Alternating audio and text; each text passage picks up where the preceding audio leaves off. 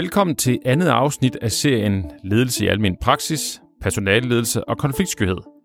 Det kan være en udfordrende opgave at tage lederskab på sig, og der er jo nok at se til i forvejen. Så hvorfor overhovedet tale om ledelse? Det får vi svar på lige med et øjeblik. Mit navn er Christian Føtz. Jeg er redaktør og speciale i almen medicin. Og jeg sidder her med fem ledelseskonsulenter i PLOE, Ulrik Lange, Anne Simmer, Juliane Dinesen, Heidi Bølund og Mads Krandal. Tilsammen har I mere end 1600 praksisbesøg bag jer og et stort engagement i at udvikle praksis. Velkommen til jer. Tak for det. Tak skal du have. Vi har lagt i kakkelovnen her på Hinskavl Slot, hvor vi kommer vidt omkring i det univers, som ledelse i almen praksis udgør. Serien her er et samarbejde imellem månedskriftet og PLOE, og det er vores forhåbning, at den kan give inspiration og stof til eftertanke. I vores samtale her skal vi tale om, hvad ledelse er, vi skal tale om personalledelse, og vi skal tale om konfliktskyhed. Desuden skal vi høre fra en konsultationssygeplejerske, hvordan god ledelse kan se ud, set fra personalets perspektiv. Ulrik Lange, du er oprindeligt uddannet læge engang i 80'erne, og efter fem års hospitalsansættelser, så tog du springet ud i konsulentlivet og forfulgte din interesse for ledelse, kommunikation, samarbejde, udviklings- og forandringsprocesser. Du har indtil 2020 været partner i konsulenthuset Kubion, hvor du nu er seniorkonsulent, og du har brugt en meget, meget stor del af dit arbejdsliv som ledelseskonsulent i almen praksis. Ja, det har jeg. Men lad os lige prøve at høre til at starte med, hvorfor skal vi overhovedet tale om ledelse i almen praksis? Tiderne er skiftet i forhold til øh, for nogle, for nogle år siden, hvor det var lægen, der passede patienterne, så sad der måske en halvtidssekretær ude ved skranken. Men øh, der er jo sket så mange ting i almindelig praksis. De er blevet meget store. Mange er, er, er blevet bemandet med flere læger. Så der opstår simpelthen nogle helt nye problemstillinger i klinikkerne. Der sker mange ting rundt i verden, omkring klinikkerne, som man skal forholde sig til. Så, så øh, der er sket en lang række øh, ændringer, som nødvendiggør, at man er nødt til at øh, arbejde meget mere professionelt med ledelse i klinikkerne. Og hvis vi siger, at ledelse er et virkemiddel, hvad er det så, det virker for? Ja, man kan sige, at, at ledelse er ikke et mål i sig selv. Ledelse er et, øh, et potent virkemiddel, må man sige, til at, at øh, opbygge en klinik, som man ønsker at have det. Øh, at, at man kan sige, at øh, ledelse i høj grad handler om at øh, skabe resultater sammen med andre mennesker. Øh, og hvis, når man så snakker resultater, så skal man jo sige, hvad er det så for nogle mål, vi skal, vi skal sammen i den her klinik her. Øh, og det kan så være faglige mål. Hvad skal, hvordan skal det være at være patient her? Hvad skal man kunne regne med? øh, at møde, når man er patient, uanset om man ringer eller møder op i konstationen, uanset om det er ved lægen eller ved sygeplejersken. Så hvad tilbyder vi rent faktisk patienterne her? Så det kan være nogle faglige resultater, man, man skal gå efter og skal definere. Det kan også være nogle økonomiske øh, resultater, man ønsker at opnå øh, ved sit virke, og det kan være nogle trivselsmæssige øh, mål, man ønsker at, øh, at realisere. Så ledelse handler i høj grad om at sætte mål og at engagere de mennesker, der er omkring en, i at nå de mål. Og hvilken betydning har det egentlig, at vi ikke øh, har, har lært noget om, om ledelse, om så må sige, på medicinstudiet? Jeg tror, det, ja, det betyder jo, at man, man forsøger efter bedste evne at håndtere øh, de problemer, der opstår hen ad vejen. Altså, det bliver mere sådan en reaktiv form for ledelse, kan man kalde det. Altså, at man, man passer sine patienter, og så opstår der et problem i hverdagen, og så løser man det. Så det bliver sådan et brændslukningsledelse, kan man kalde det. Ikke? En lille smule ad hoc ledelse. Men man kommer til at mangle den, det, det langsigtede, samlende perspektiv. Og hvad, hvad er modsætningen til reaktiv ledelse? Ja, det er jo en mere, det er jo en mere dagsordensættende, mere, man kunne, altså med, hvis man skal bruge sådan et konsulentord, så er det en proaktiv ledelse, hvor man siger, hvad er det, vi ønsker at skabe sammen i den klinik her? Hvad er det for nogle mål, vi ønsker at nå sammen? Og, og, og hvilke, hvilken kultur er det? Hvad, skal, hvad er det for en arbejdsplads, vi ønsker rent faktisk at skabe, for at vi kan realisere de mål og nå de mål? Hvis ikke lægerne selv eller klinikejerne ved, hvor de vil hen, så kan det være svært at fortælle deres personale, som jo bliver større og større, hvor det er, de skal arbejde med for at komme hen. Så, så løber folk, så risikerer folk jo at løbe i forskellige retninger, og så opnår man ikke de resultater, som man kunne opnå, hvis man siger, nu er vi et hold, og vi arbejder ud fra de samme mål, ud fra de samme værdier. Og det, som du siger nu, altså personalegruppen bliver større og større, men det gør det jo heller ikke mindre komplekst, at ledergrupperne ofte også bliver større og større. Nej, tværtimod. Men, men nogen kalder jo for en, en, en lægeklinik med flere ledere og flere administrerende direktører, kalder man det for en humlebisorganisation. Altså i virkeligheden kan den ikke flyve, og den er ikke beskrevet i nogen håndbøger, nogen ledelsesbøger overhovedet. Så, så det er jo et, et, et, et forsøg på at etablere en virksomhed, som faktisk er ganske, ganske udfordrende. Så ligesom i en, en, en, sport, en hver sportsgren, så er der jo nogle, dels nogle mål, man går efter. Der er et for, spillet har et formål, men der er også nogle spilregler, man skal spille efter. Og på samme måde må man sige, at ledelse i høj grad handler om at definere, øh, så kan man kalde det spilleregler, eller sådan ønsker vi at være sammen i den klinik her. For eksempel etablere nogle spilleregler omkring, hvad giver vi hinanden fri til, mm-hmm. og hvad forpligter vi hinanden på. Det er et utroligt vigtigt spændingsfelt i enhver, øh, specielt hvis der er flere læger, der ejer klinikken, at vi er klar på at sige, hvad er det, vi er nødt til at være enige om. Og, og, og personalet skal også ligesom være med på at sige, det her gør vi tingene på den her måde her, og andres, i andre situationer giver man plads til nogle forskelligheder. Og jeg kunne godt tænke mig lige for få det helt ned på jorden, det her med spilleregler. Kan du komme med nogle sådan konkrete spilleregler og eksempler på, hvad, hvad, hvad folk ude i lægehusene har, har udviklet? Ja, altså de, man kan komme, man kan sige, de værste tilfælde, det er at lave sådan nogle værdier, hvor man siger, her, her i klinikken, der arbejder vi med respekt, gensidig tillid og åbenhed. Og så lader man det være med det, og så skriver man det på kopperne, så man har fremme i frokoststuen. og det er sådan, at det virker ikke. Man er nødt til at være meget mere specifik og så sige, jamen okay, hvis vi snakker om ordenhed eller åbenhed, hvad er det så, vi rent faktisk mener med det? Hvordan vil det se ud i virkeligheden? Men det kan, værdier kan jo være, altså spilleregler kan jo være sådan noget som, at, at hvis der opstår noget, noget glideri, noget uoverensstemmelse i så er vi nødt til at kunne tale om det. Vi skal have fisken på disken mm-hmm. med det samme. Det er jo en kultur. Øh, vi skal give hinanden tilbagemeldinger. Det er en del af det at være den klinik her. Det er, at vi er nødt til at give hinanden tilbagemeldinger på kryds og tværs, for vi kan blive bedre og dygtigere sammen. Og nu taler du om kultur, og noget af det, som der bliver det gennemgående tema i de her podcasts, det er det her med at gå fra, fra ting, vi er ubevidste om, til ting, vi bliver bevidste om. Jeg tror, ja. der er meget i kulturen, som, som øh, man igennem i hvert fald en ledelsesparingsproces kan blive opmærksom på. Ja, og der må sige, ledelse, lederne er jo kulturskabere. Men, så man, man, når man er leder, så skaber man ligesom i sin, sin adfærd, så skaber man en bestemt måde, som andre lærer af. Så hvis man går uden omkring konflikter, jamen så lærer folk at gå uden omkring konflikter. Uha, så er det farligt. Så bliver det sådan en måde, vi gør ting på. Er det svært at ændre en kultur i praksis? Det er det. Det er det, der hedder et langt sejt træk. Og det er ikke noget, man kan decidere at lave management på. Altså, der, er, der er man jo nødt til at, at sige, at lederne er nødt til at vise vejen. De er nødt til at, at uh, sige, det her er en professionel virksomhed, det er ikke en familie, vi har her. Fordi familiekultur er noget helt andet. Der handler det meget om hyggen og vi skal, en god stemning, og vi skal passe på hinanden osv. Men i, i en professionel virksomhed handler det om, at vi er sammen om at gøre noget og udrette noget for patienterne. Det er det, der er vores fælles anlæggende her. Og derfor er vi nødt til at være professionelle i vores måde at være sammen på. Og det kan man så snakke om, hvad vil det sige at være professionel i den måde, vi er sammen på.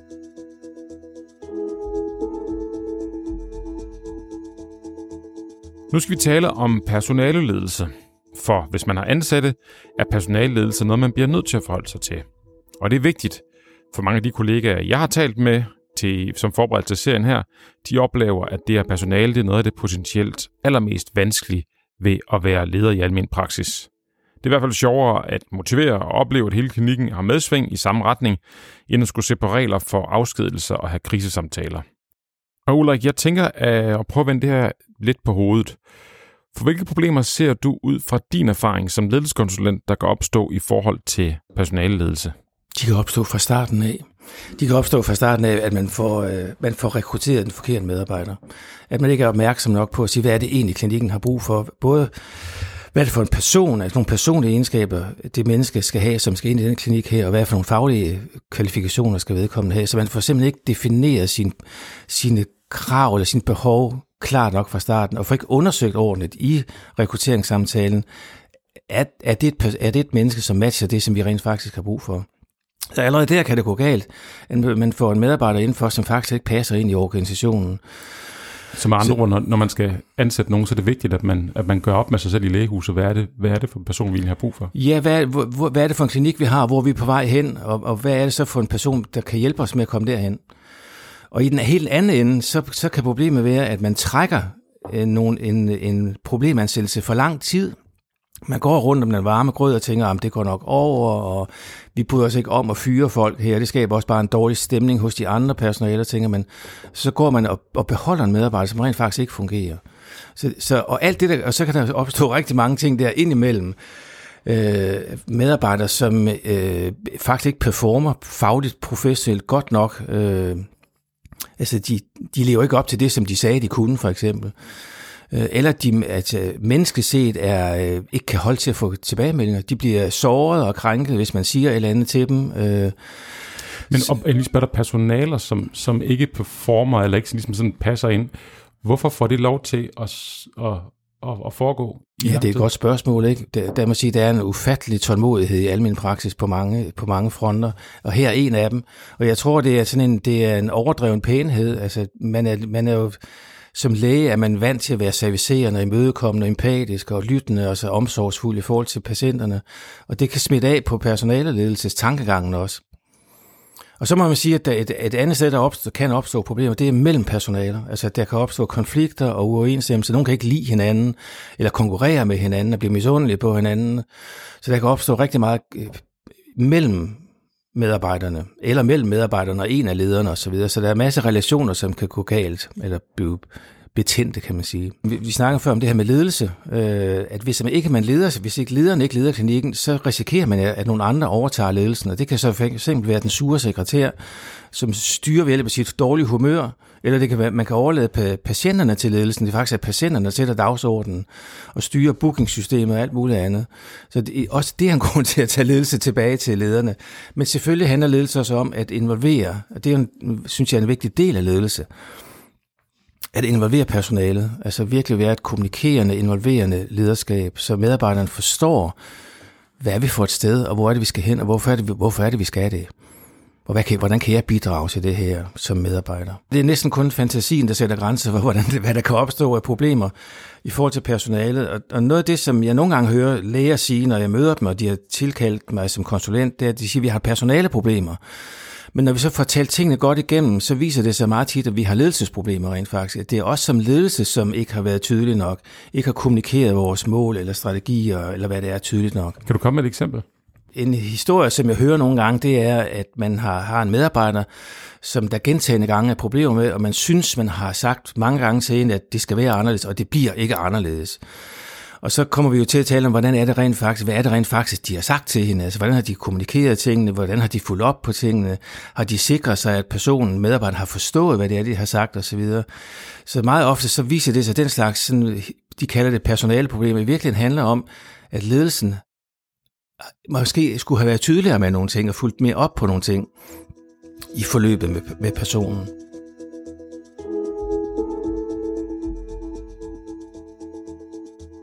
Nu er det tid til at samle jer alle sammen i det, jeg vil kalde for ledelsespanelet.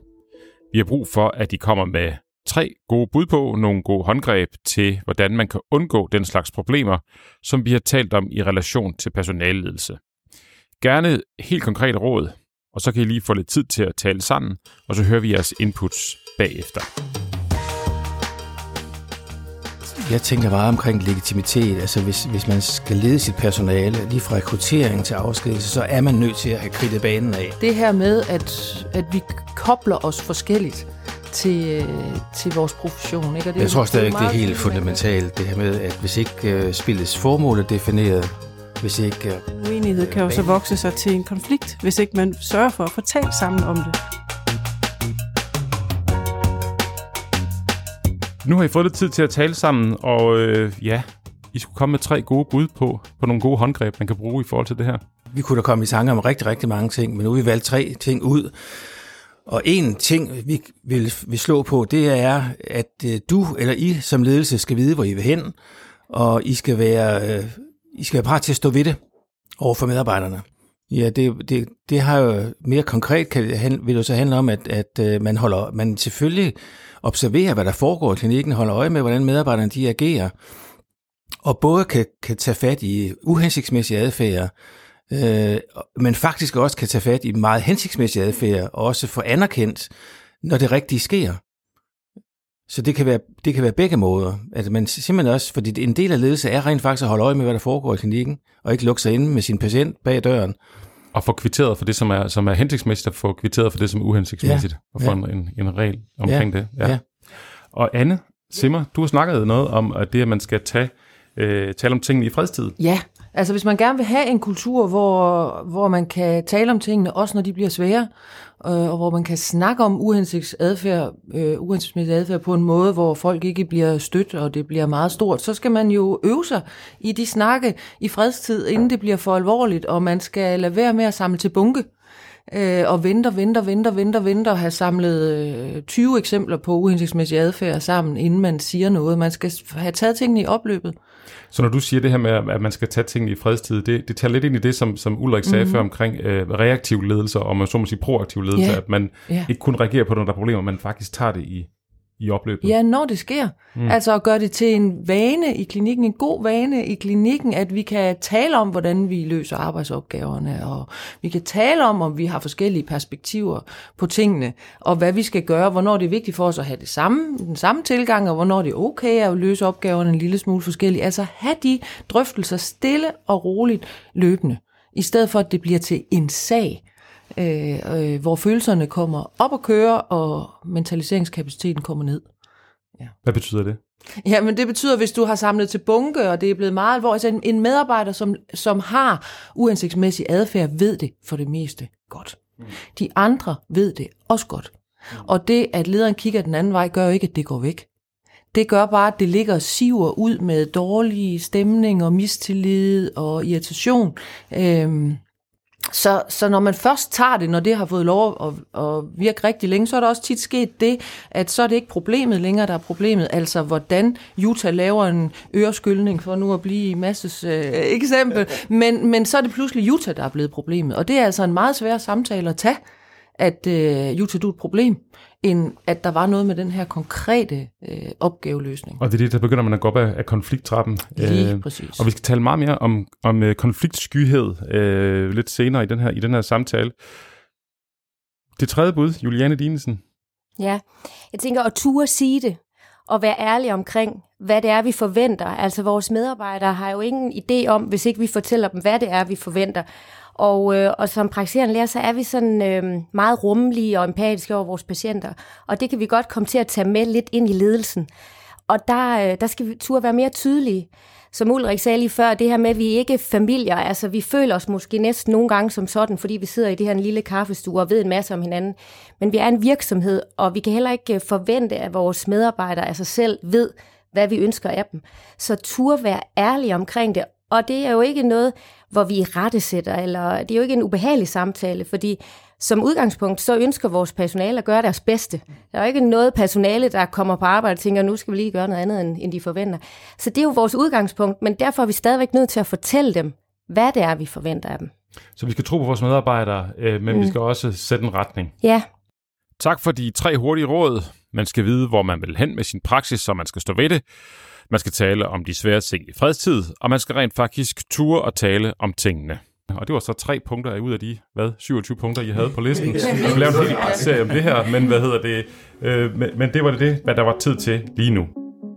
Nu skal vi nemlig kaste lidt lys over, hvordan god ledelse ser ud fra personalets perspektiv. Vi har fået konsultationssygeplejerske Lisa Piontek til at spørge ud i en lukket Facebook-gruppe, hvordan de andre konsultationssygeplejersker mener, at god ledelse skal se ud. Det kom der en masse kvalificerede bud på, så her kommer altså konsultationssygeplejerske fra telefonen, Lisa Pjontek, med nogle gode bud på, hvordan god ledelse kan se ud i almen praksis. Der var mange ens svar i virkeligheden, og, øh, og det var alt fra øh, sådan noget som anerkendelse af de ting, man går og gør i hverdagen. Det var vigtigt for rigtig mange. Øh, det var vigtigt, at at ledelsen ligesom udstrålede sådan arbejdsglæde og var smilende og positiv i dagligdagen, fordi det smitter af.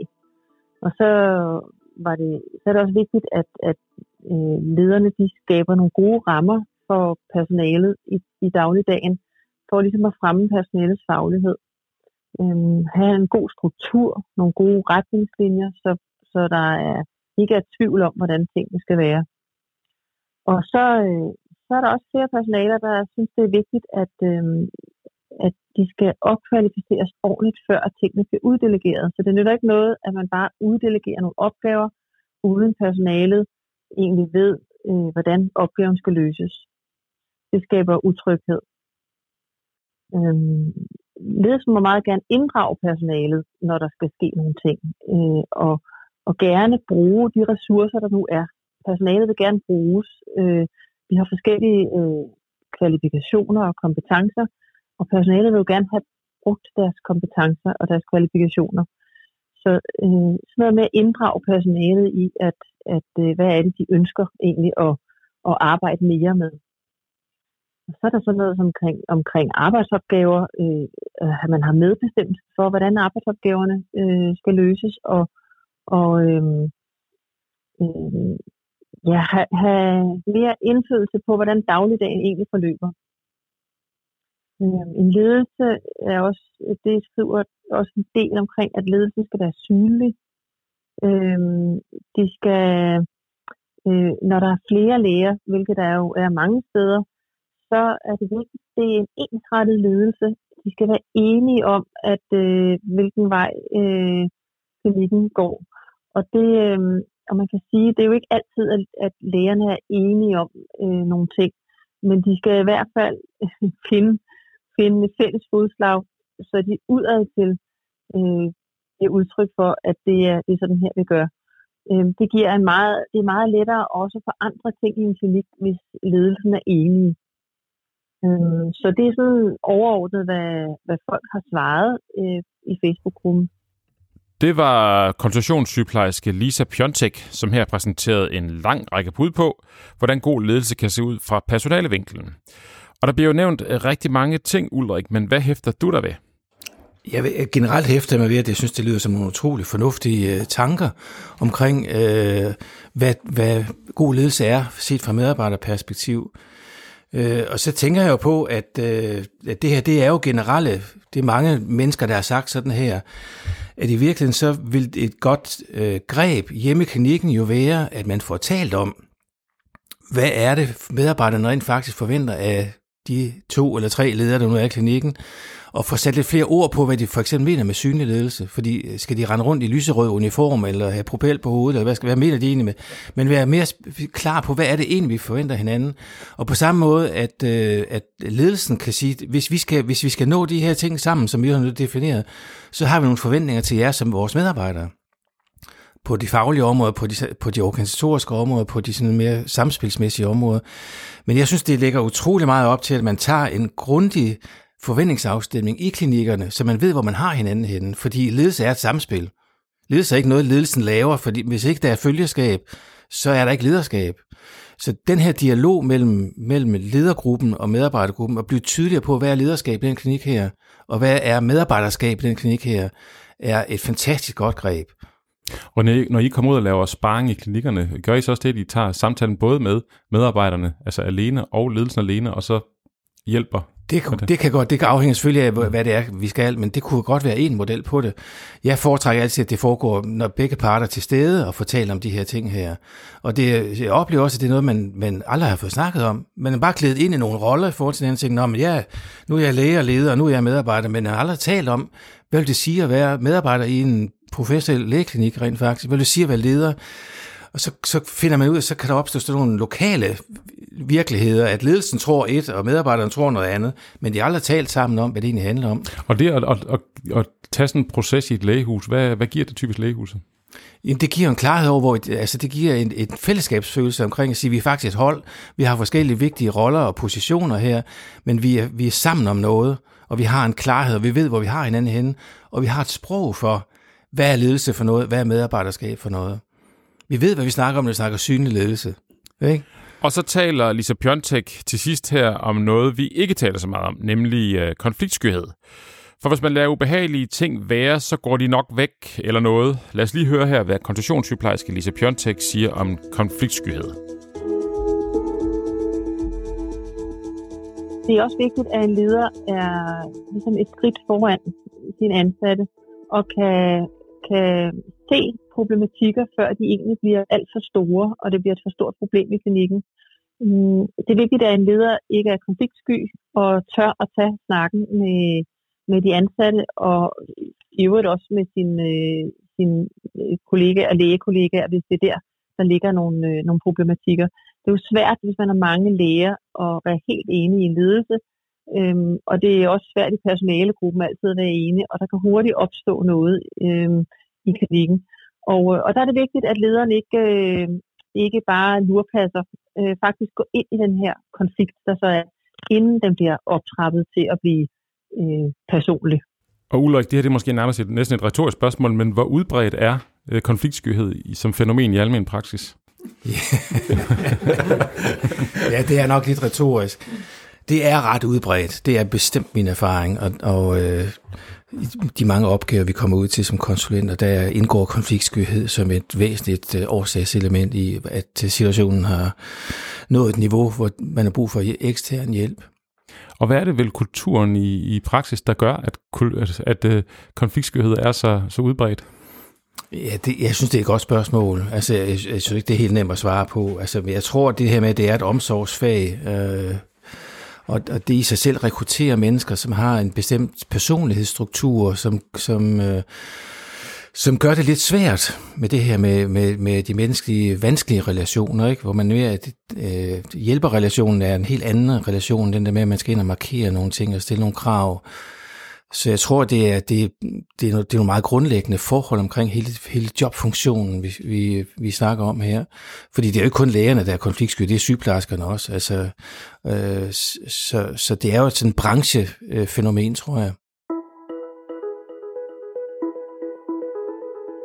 Nu samler vi jer endnu en gang i ledelsespanelet. Vi dvæler lige ved det her fænomen, konfliktskyhed. Jeg spurgte Ulrik før, og nu spørger jeg lige alle sammen, hvor udbredt er konfliktskyhed som fænomen i almen praksis? Den, ja, meget udbredt. Meget udbredt. Godt, der er enighed her. Så har vi brug for jeres input til følgende spørgsmål. Vi vil gerne have tre gode bud på, hvordan man kan arbejde med konfliktskyhed i almen praksis. I får lige et par minutter til at snakke sammen, og så hører vi, hvad I er kommet frem til bagefter. Er I med på den? Mm. Ja.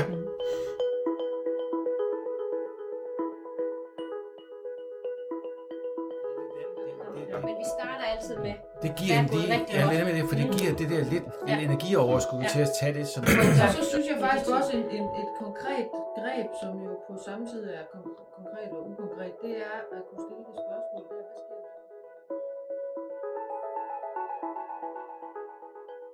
Yes, nu skal vi prøve at høre, hvad I er kommet frem til. Tre, tre ting, man kan gøre for at arbejde med konfliktskyhed. Juliane? Jamen helt konkret på alle de møder, man har, personalemøder eller ledermøder, have to punkter, hvor det første kan være, hvad gør vi rigtig godt, for ligesom at have fokus på at, at styrke det gode, vi gør. Men så også have et punkt, der hedder, hvad kunne vi gøre bedre?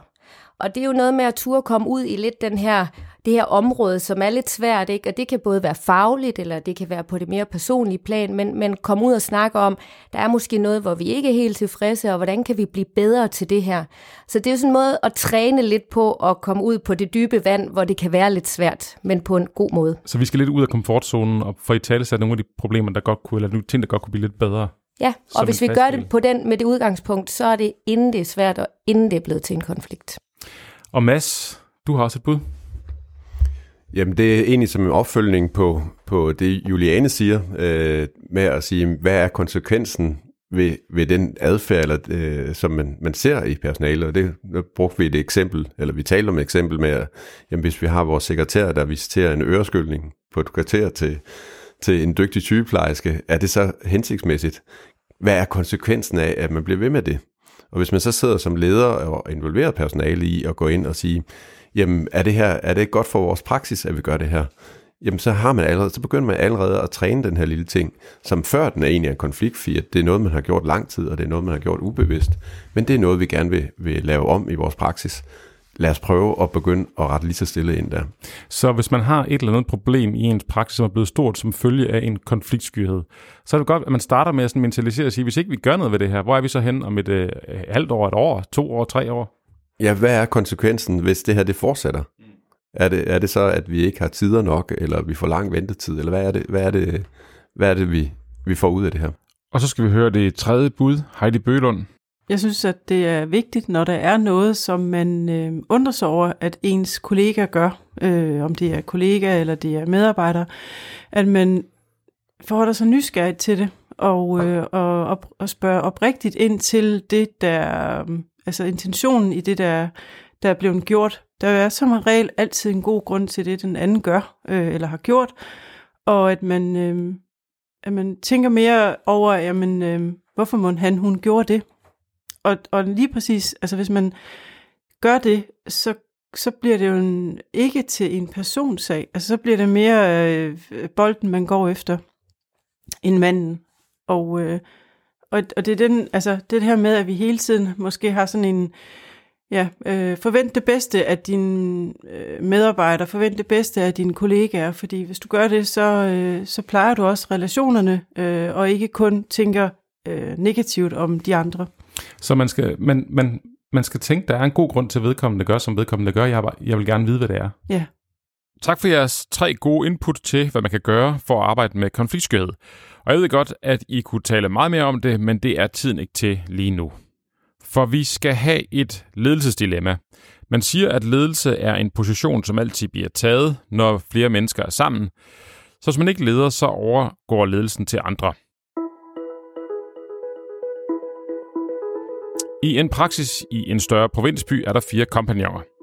Praksis har netop udviklet med to kapaciteter, og i den forbindelse er der kommet to nye kompagnoner med ombord. I sekretariatet sidder der en sekretær, som har stor viden om, hvordan klinikken kører. Hun har været sekretær i 26 år. Efter lidt tid går det op for kompagniskabet, at sekretæren faktisk tager mange store beslutninger, som ingen bliver involveret i. Og sådan har ting kørt i mange år. Når sekretæren konfronteres med det, så afviser hun det, og hun er i situationen ofte verbal overlegen. Især de to nyankomne læger oplever det som meget problematisk, at hun ikke makker ret, og det begynder at slide på samarbejdet.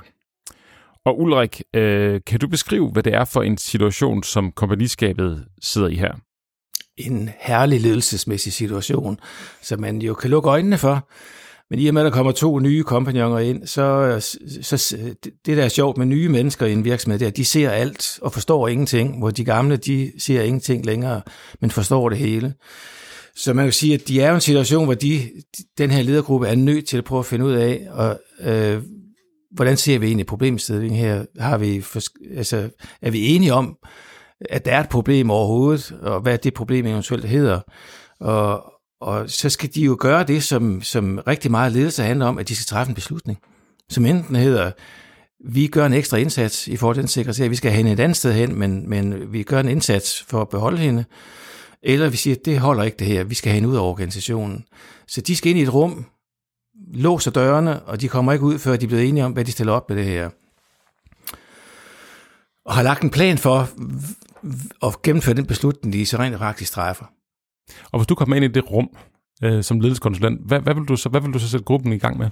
Jeg vil høre dem hver især om, hvordan de ser, øh, hvordan de ser situationen, få dem til at beskrive øh, problemet, få dem til at beskrive, øh, hvad de ser som muligheder i situationen, og så prøve at finde ud af, hvad er, hvad er det samlede billede her øh, i det? Er der noget, de er enige om? Er der nogle kompromiser, der skal indgås her? Så de skal hjælpes til frem til at finde, finde beslutning, som alle kan gå ind for. Så det handler om at, få, at have enighed i første omgang? Hvad ja, man skal. det gør det, ja. Men altså, man er nok nødt til lige at høre, fordi der vil nok være forskellige opfattelser, forskellige positioner øh, i sådan en ledergruppe med, med nogle gamle og nogle, nogle helt nye. Og det her eksempel, er, er det sådan en, en, øh, noget, man ser tit, eller, eller er det, hører det til sjældenhederne? Altså, som, så, principperne i det er jo relativt almindelige, at, øh, øh, at der er et eller andet, som ikke fungerer i organisationen, og at der kan være nogle, nogle forskellige positioner i ledergruppen i forhold til det. Mm. Og det værste, der kan ske her, det er jo, at man, man skyder den til hjørne. Og hvad vil det sige? Ja, lad det ligge.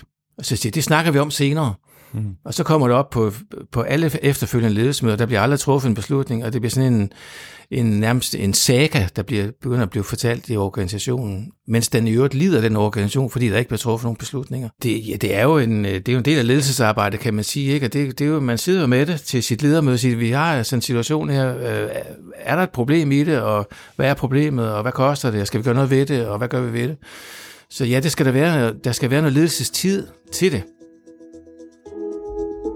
I er alle fem med til at udvikle lederkurser i PLOE. Og Ulrik, kan du nævne nogle relevante kurser i forhold til det, vi har talt om her? Ja, altså PLO har jo en hel del kurser omkring ledelse. Øh, I den her forbindelse, vi nu har talt, kan jeg da nævne både det kursus, der hedder Ledelse i kompagniskaber, øh, som, øh, som er et fantastisk øh, relevant kursus, når man er flere om at lede. Og så er der et andet kursus, som handler om personalledelse, hvor vi jo blandt andet arbejder med øh, konkrete metoder til at øh, for eksempel håndtere de lidt svære ting i, øh, i klinikken. Tak for det. Og i næste podcast, så skal vi tale om, hvordan man bliver en god leder. Anne Simmer Du er frontperson, og noget af det, som du er særlig optaget af, det er det, du kalder for det fagpersonlige felt. Vi bærer vores person ind i alt, hvad vi gør, også i den måde, vi er leder på. Og det og meget andet vender vi opmærksomheden på. Ellers må vi bare sige tak for opmærksomheden. Hvis du synes, det er udbytterigt, så håber vi, du har lyst til at anbefale en kollega at lytte med. Serien Ledelse i Almen Praksis er som sagt et samarbejde mellem PLO og Månedskriftet, og serien er finansieret af PLO E. I studiet har vi Anne Simmer, Heidi Bølund, Ulrik Lange, Juliane Dinesen og Mads Krandal. Og jeg selv hedder Christian Føds, og jeg er redaktør og speciallæge i almen medicin.